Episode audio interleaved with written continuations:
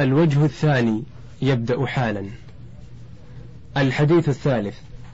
عن عائشة رضي الله عنها قالت دخل عبد الرحمن بن أبي بكر الصديق رضي الله عنهما على النبي صلى الله عليه وسلم وأنا مسندته إلى صدري ومع عبد الرحمن سواك رطب يستن به.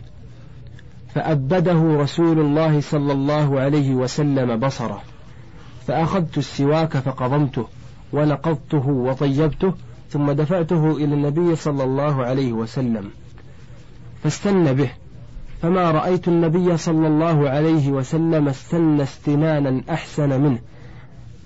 فما عدا أن فرغ رسول الله صلى الله عليه وسلم رفع يده أو أصبعه ثم قال في الرفيق الأعلى ثلاثة. ثم قضى. وكانت تقول مات بين حاقنتي وذاقنتي وفي لفظ فرأيته ينظر إليه فعرفت أنه يحب السواك فقلت آخذه لك فأشار برأسه النعم. هذا لفظ البخاري ولمسلم نحوه. الراوي عائشة أم المؤمنين رضي الله عنها سبقت ترجمتها في الحديث رقم ثلاثة. ألف موضوع الحديث. بيان حكم السواك كل وقت والتسوق بسواك غيره. باء شرح الكلمات. دخل عبد الرحمن ابن أبي بكر أي في بيت عائشة رضي الله عنها وعبد الرحمن ابن أبي بكر شقيق عائشة رضي الله عنهما أسلم قبيل الفتح وقيل يوم الفتح وحسن إسلامه ومات في مكة سنة ثمان وخمسين. مسندته إلى صدري رافعته إليه ليعتمد عليه والضمير يعود إلى النبي صلى الله عليه وسلم. سواك مسواك. وفي بعض روايات البخاري أنه من الجريد الأخضر. يستن به يستاك به. فأبده بصره مد إليه بصره وأطال النظر. قضمته بالضاد علكته بأطراف أسناني. وفي رواية قصمته بالصاد أي كسرته. فلعلها كسرت طرفه ثم علكته بأطراف أسنانها ليلين. نقضته فرقته ليسقط ما فيه من قشور ونحوها. طيبته جعلته طيبا صالحا للتسوك به. فما عدا أن فرغ رفع عدا جاوز وفرغ انتهى. والمعنى ما جاوز فراغه من التسوك حتى رفع أي أنه بادر بذلك. رفع يده أو إصبعه أو للشك من الراوي. في الرفيق الأعلى أي الرفقاء الأعلون وهم أهل الجنة وهو, وهو متعلق بمحذوف. والتقدير اجعلني في الرفيق الأعلى. قضى مات. حاقنتي الحاقنة النقرة التي في النحر. ذاقنتي أعلى الحلقوم. ينظر إليه أي إلى عبد الرحمن أو المسواك. أشار برأسه أومأ به. النعم أن تفسيرية ونعم حرف جواب لإثبات المسؤول عنه. جيم الشرح الإجمالي. تخبر أم المؤمنين عائشة رضي الله عنها أن شقيقها عبد الرحمن ابن أبي بكر رضي الله عنهما دخل على النبي صلى الله عليه وسلم في بيت عائشة وقد أسندته إلى صدرها وهو في سياق الانتقال إلى الرفيق الأعلى.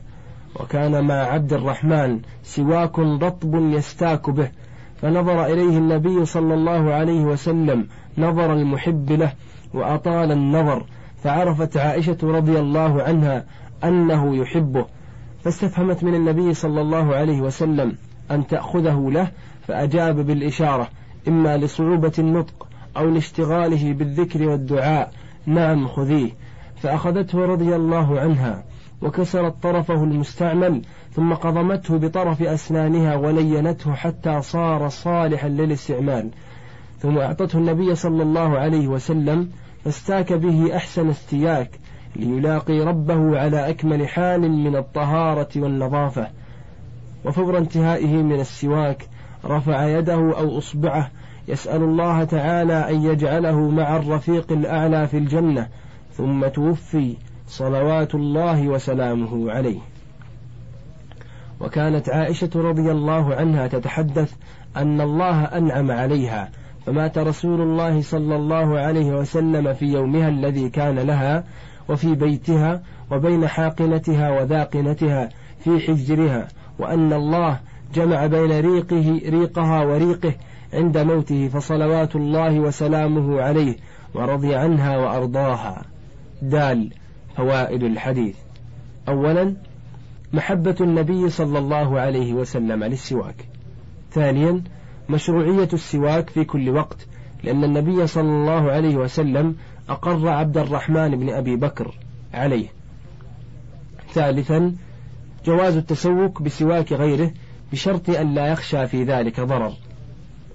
رابعا العمل بالإشارة إذا كانت مفهومة. خامسا قوة قلب النبي صلى الله عليه وسلم ورباطة, ورباطة جأشه حيث لم يذهل عن التسوك والدعاء حال الموت.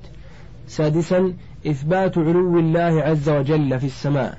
سابعا فضيلة عائشة رضي الله عنها بحسن معاشرتها النبي صلى الله عليه وسلم ووفاته في حجرها وبيتها ويومها.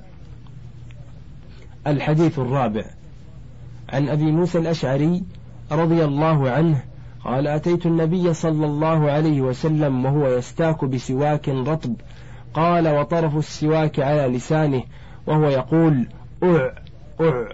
والسواك في فيه كأنه يتهوع. الراوي أبو موسى عبد الله بن قيس الأشعري القحطاني رضي الله عنه. قدم مكة وأسلم ثم رجع إلى قومه وقدم في خمسين منهم إلى النبي صلى الله عليه وسلم في المدينة عند فتح خيبر. وكان حسن الصوت بقراءة القرآن والله النبي صلى الله عليه وسلم على اليمن. فلما توفي النبي صلى الله عليه وسلم قدم المدينة وشهد فتوح الشام. ثم استعمله عمر رضي الله عنه على البصرة فافتتح الأهواز وأصبهان. ثم عزله عثمان عن البصرة فتحول إلى الكوفة فولاه عثمان عليها وتفقه به أهلها ومات فيها سنة أربع وأربعين. ألف موضوع الحديث بيان موضع الاستياك. باء شرح الكلمات. أتيت النبي صلى الله عليه وسلم جئت إليه ولم يعلم متى كان هذا المجيء. يستاك يدلك فمه بالمسواك. على لسانه أي على طرف لسانه من داخل. بدليل أنه يقول أع أع أع أع بضم الهمزة وسكون العين حكاية صوت المتقيئ في فيه في فمه يتهوع يتقيأ. جيم الشرح الإجمالي. كان النبي صلى الله عليه وسلم يتسوك ويبالغ في السواك أحيانا.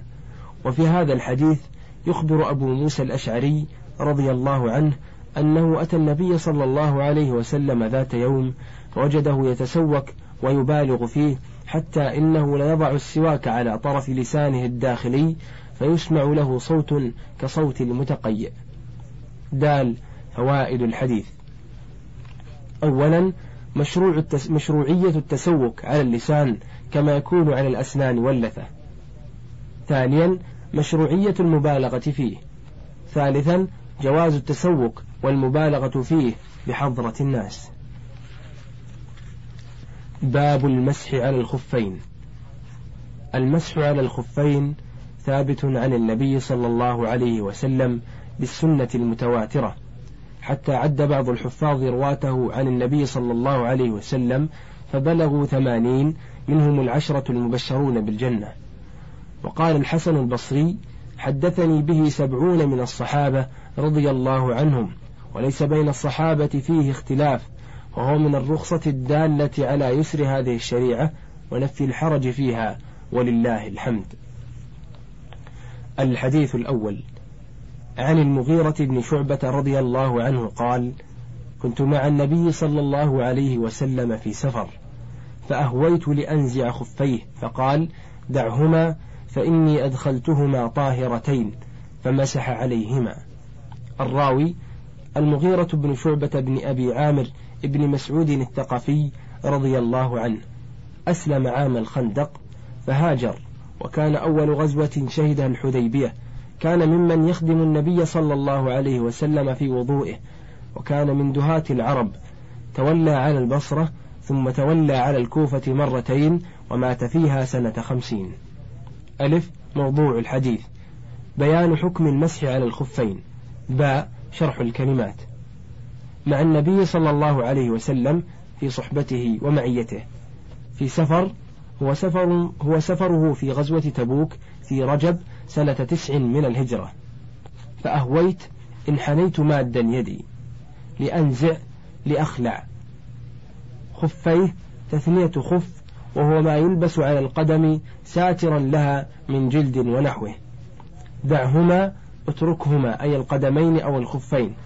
أدخلتهما أي القدمين. طاهرتين حال من الهاء في أدخلتهما. وجملة فإني أدخلتهما تعليل لقوله دعهما.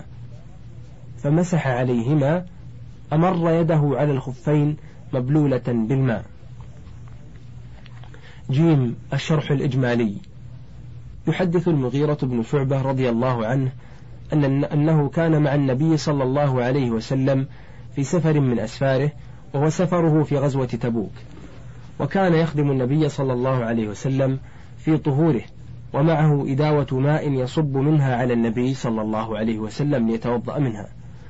فلما انتهى إلى رجليه أهوى المغيرة بيده لينزع الخفين من قدمي النبي صلى الله عليه وسلم حتى يغسل قدميه. ولكن النبي صلى الله عليه وسلم أمره بتركهما معللا ذلك بأنه أدخل قدميه في خفيه وهما طاهرتان ثم مسح عليهما. دال فوائد الحديث. أولا جواز المسح على الخفين في الوضوء بدلا من غسل الرجلين ويقاس عليهما كل ما يسر الرجلين من الجوارب وغيرها. ثانيا أن المسح عليهما لمن كان لابسا لهما أفضل من خلعهما وغسل الرجل وهذا من كمال الدين الإسلامي وتيسير تشريعاته. ثالثا أنه لا يمسح عليهما إلا إذا لبسهما على طهارة.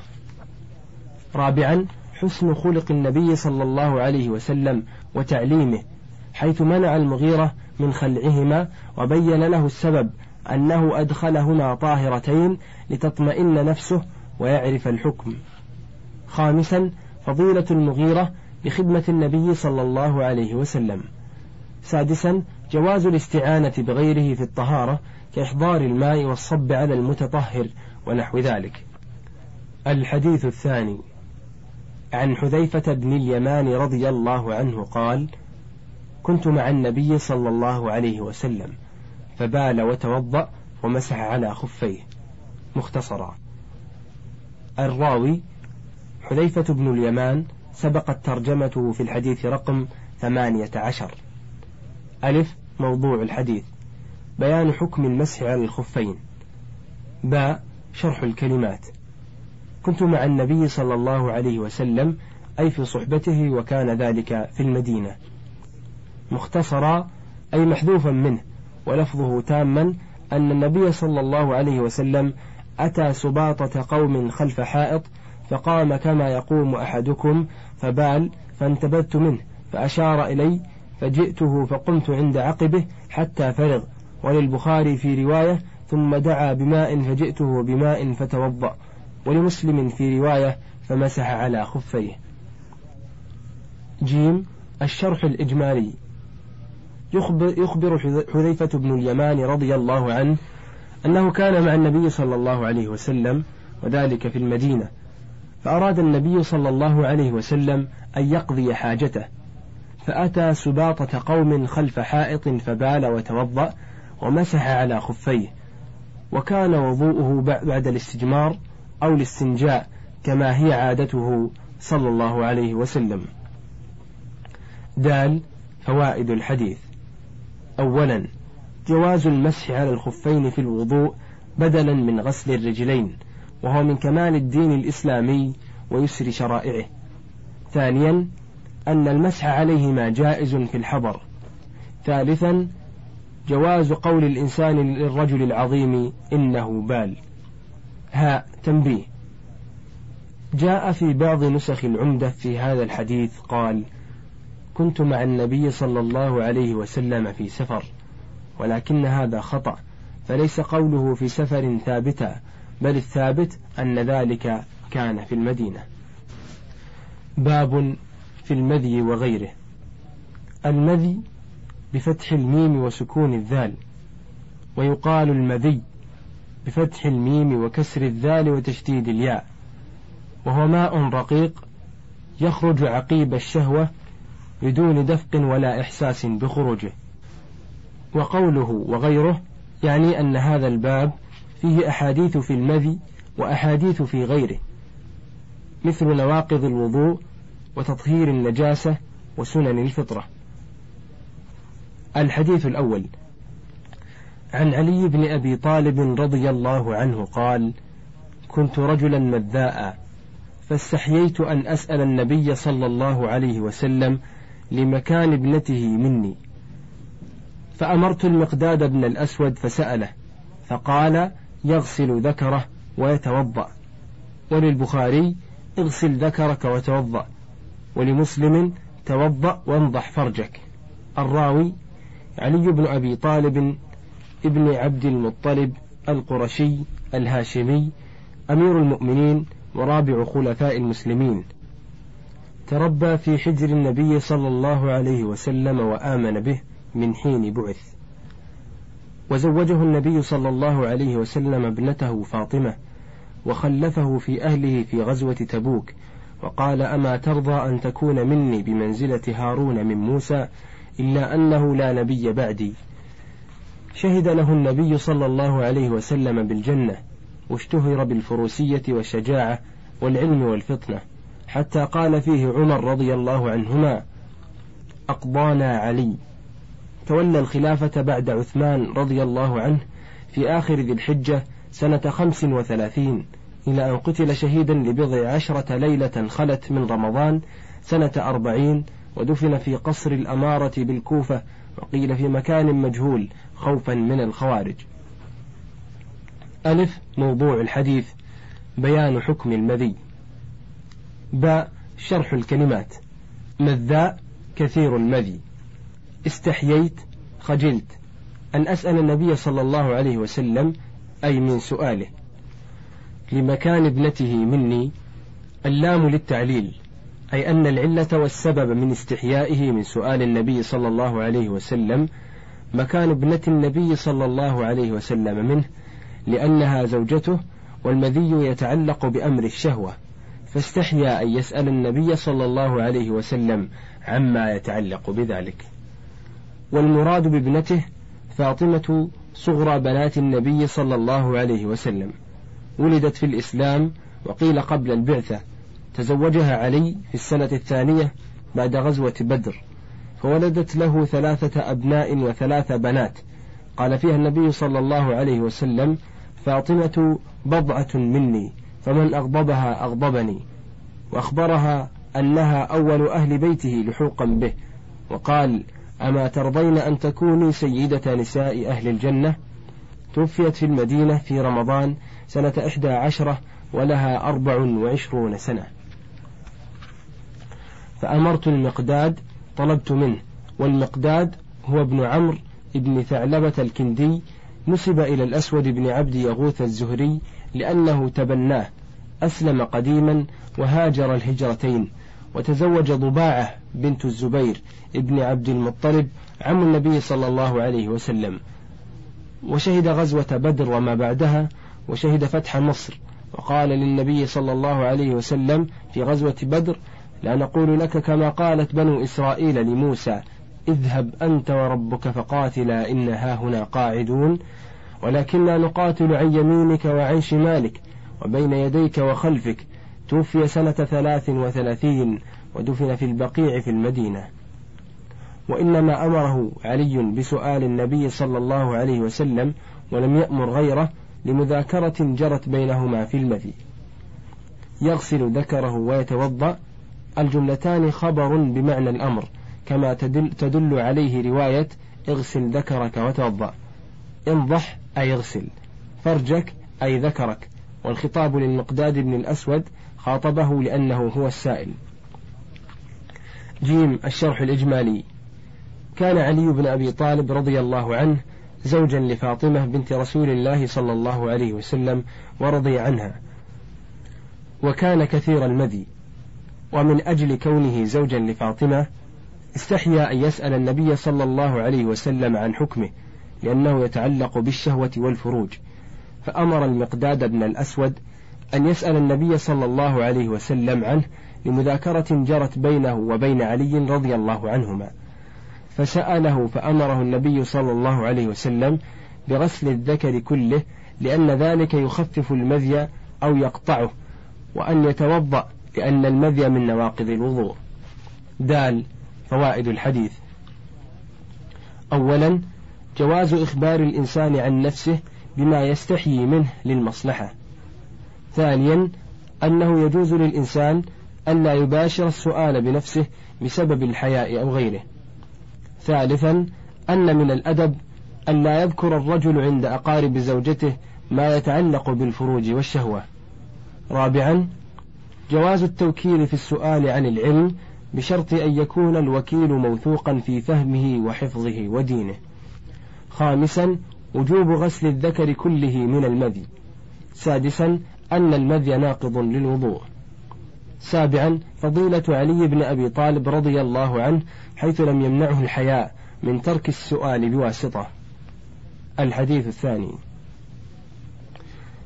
عن عباد بن تميم عن عبد الله بن زيد بن عاصم المازني رضي الله عنه قال شكي إلى النبي صلى الله عليه وسلم الرجل يخيل إليه أنه يجد الشيء في الصلاة فقال لا ينصرف حتى يسمع صوتا أو يجد ريحا.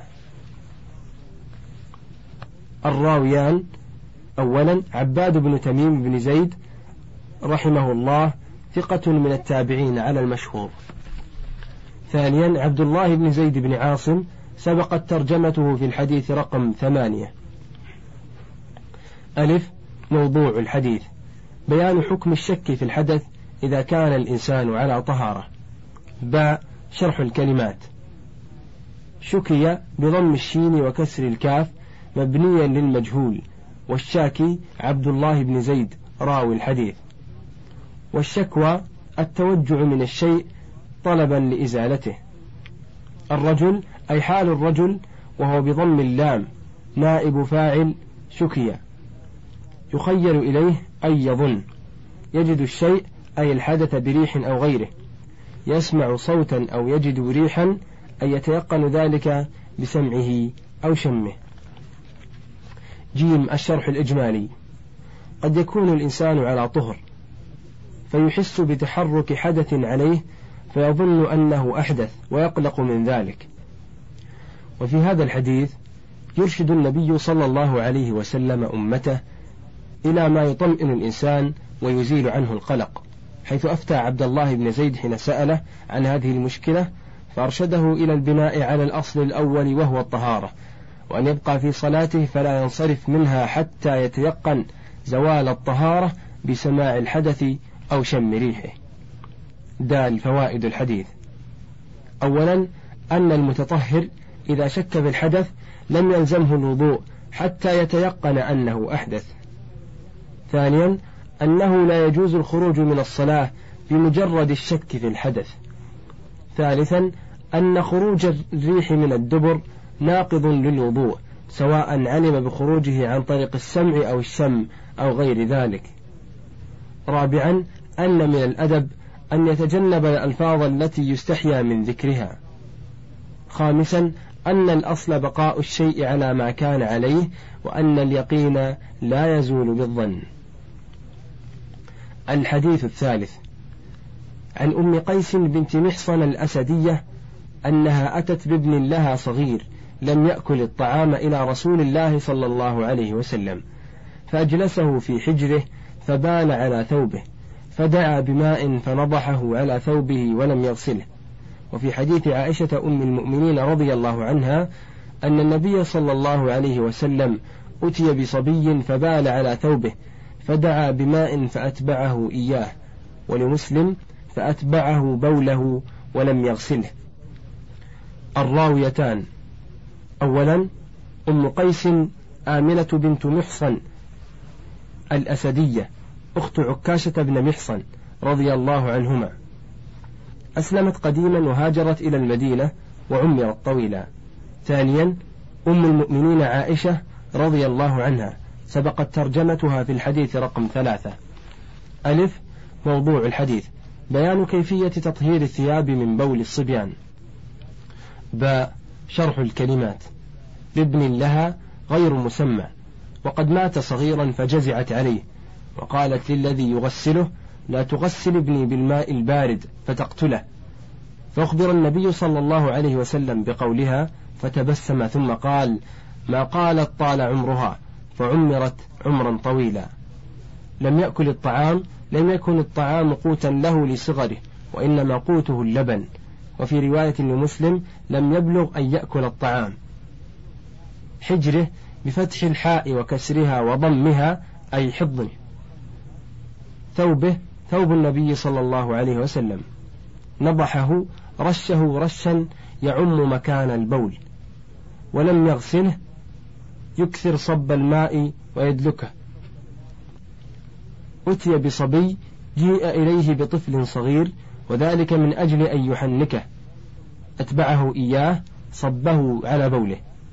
جيم الشرح الإجمالي. اعتاد الصحابة رضي الله عنهم أن يأتوا بصبيانهم إلى النبي صلى الله عليه وسلم عند الولادة ليحنكهم ويدعو لهم أو بعدها تبركا بدعائه صلى الله عليه وسلم ولمسه إياهم. وكان صلى الله عليه وسلم أحسن الناس خلقا.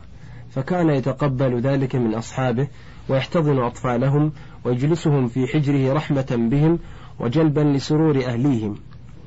وفي هذا الحديث تخبر آمنة بنت محصن الأسدية أنها أتت بابن لها صغير لم يبلغ إلى سن يأكل فيه الطعام ويتغذى به.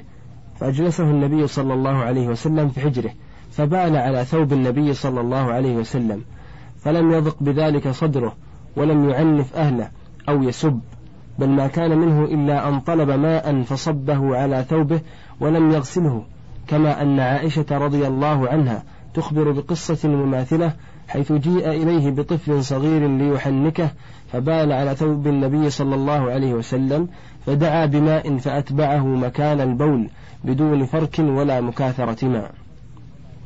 دال فوائد الحديث.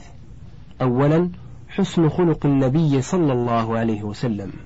ثانيا أن بول الغلام الصغير الذي لا يتغذى بالطعام لصغره يطهر بنضح الماء عليه بدون غسل. ثالثا أن عذرته لا بد فيها من الغسل كبقية النجاسات. رابعا أن الأولى المبادرة بتطهير محل النجاسة للمبادرة إلى التطهر من الخبث ولئلا ينسى. انتهى الشريط الثاني من كتاب تنبيه الأفهام بشرح عمدة الأحكام وله بقية على الشريط الثالث.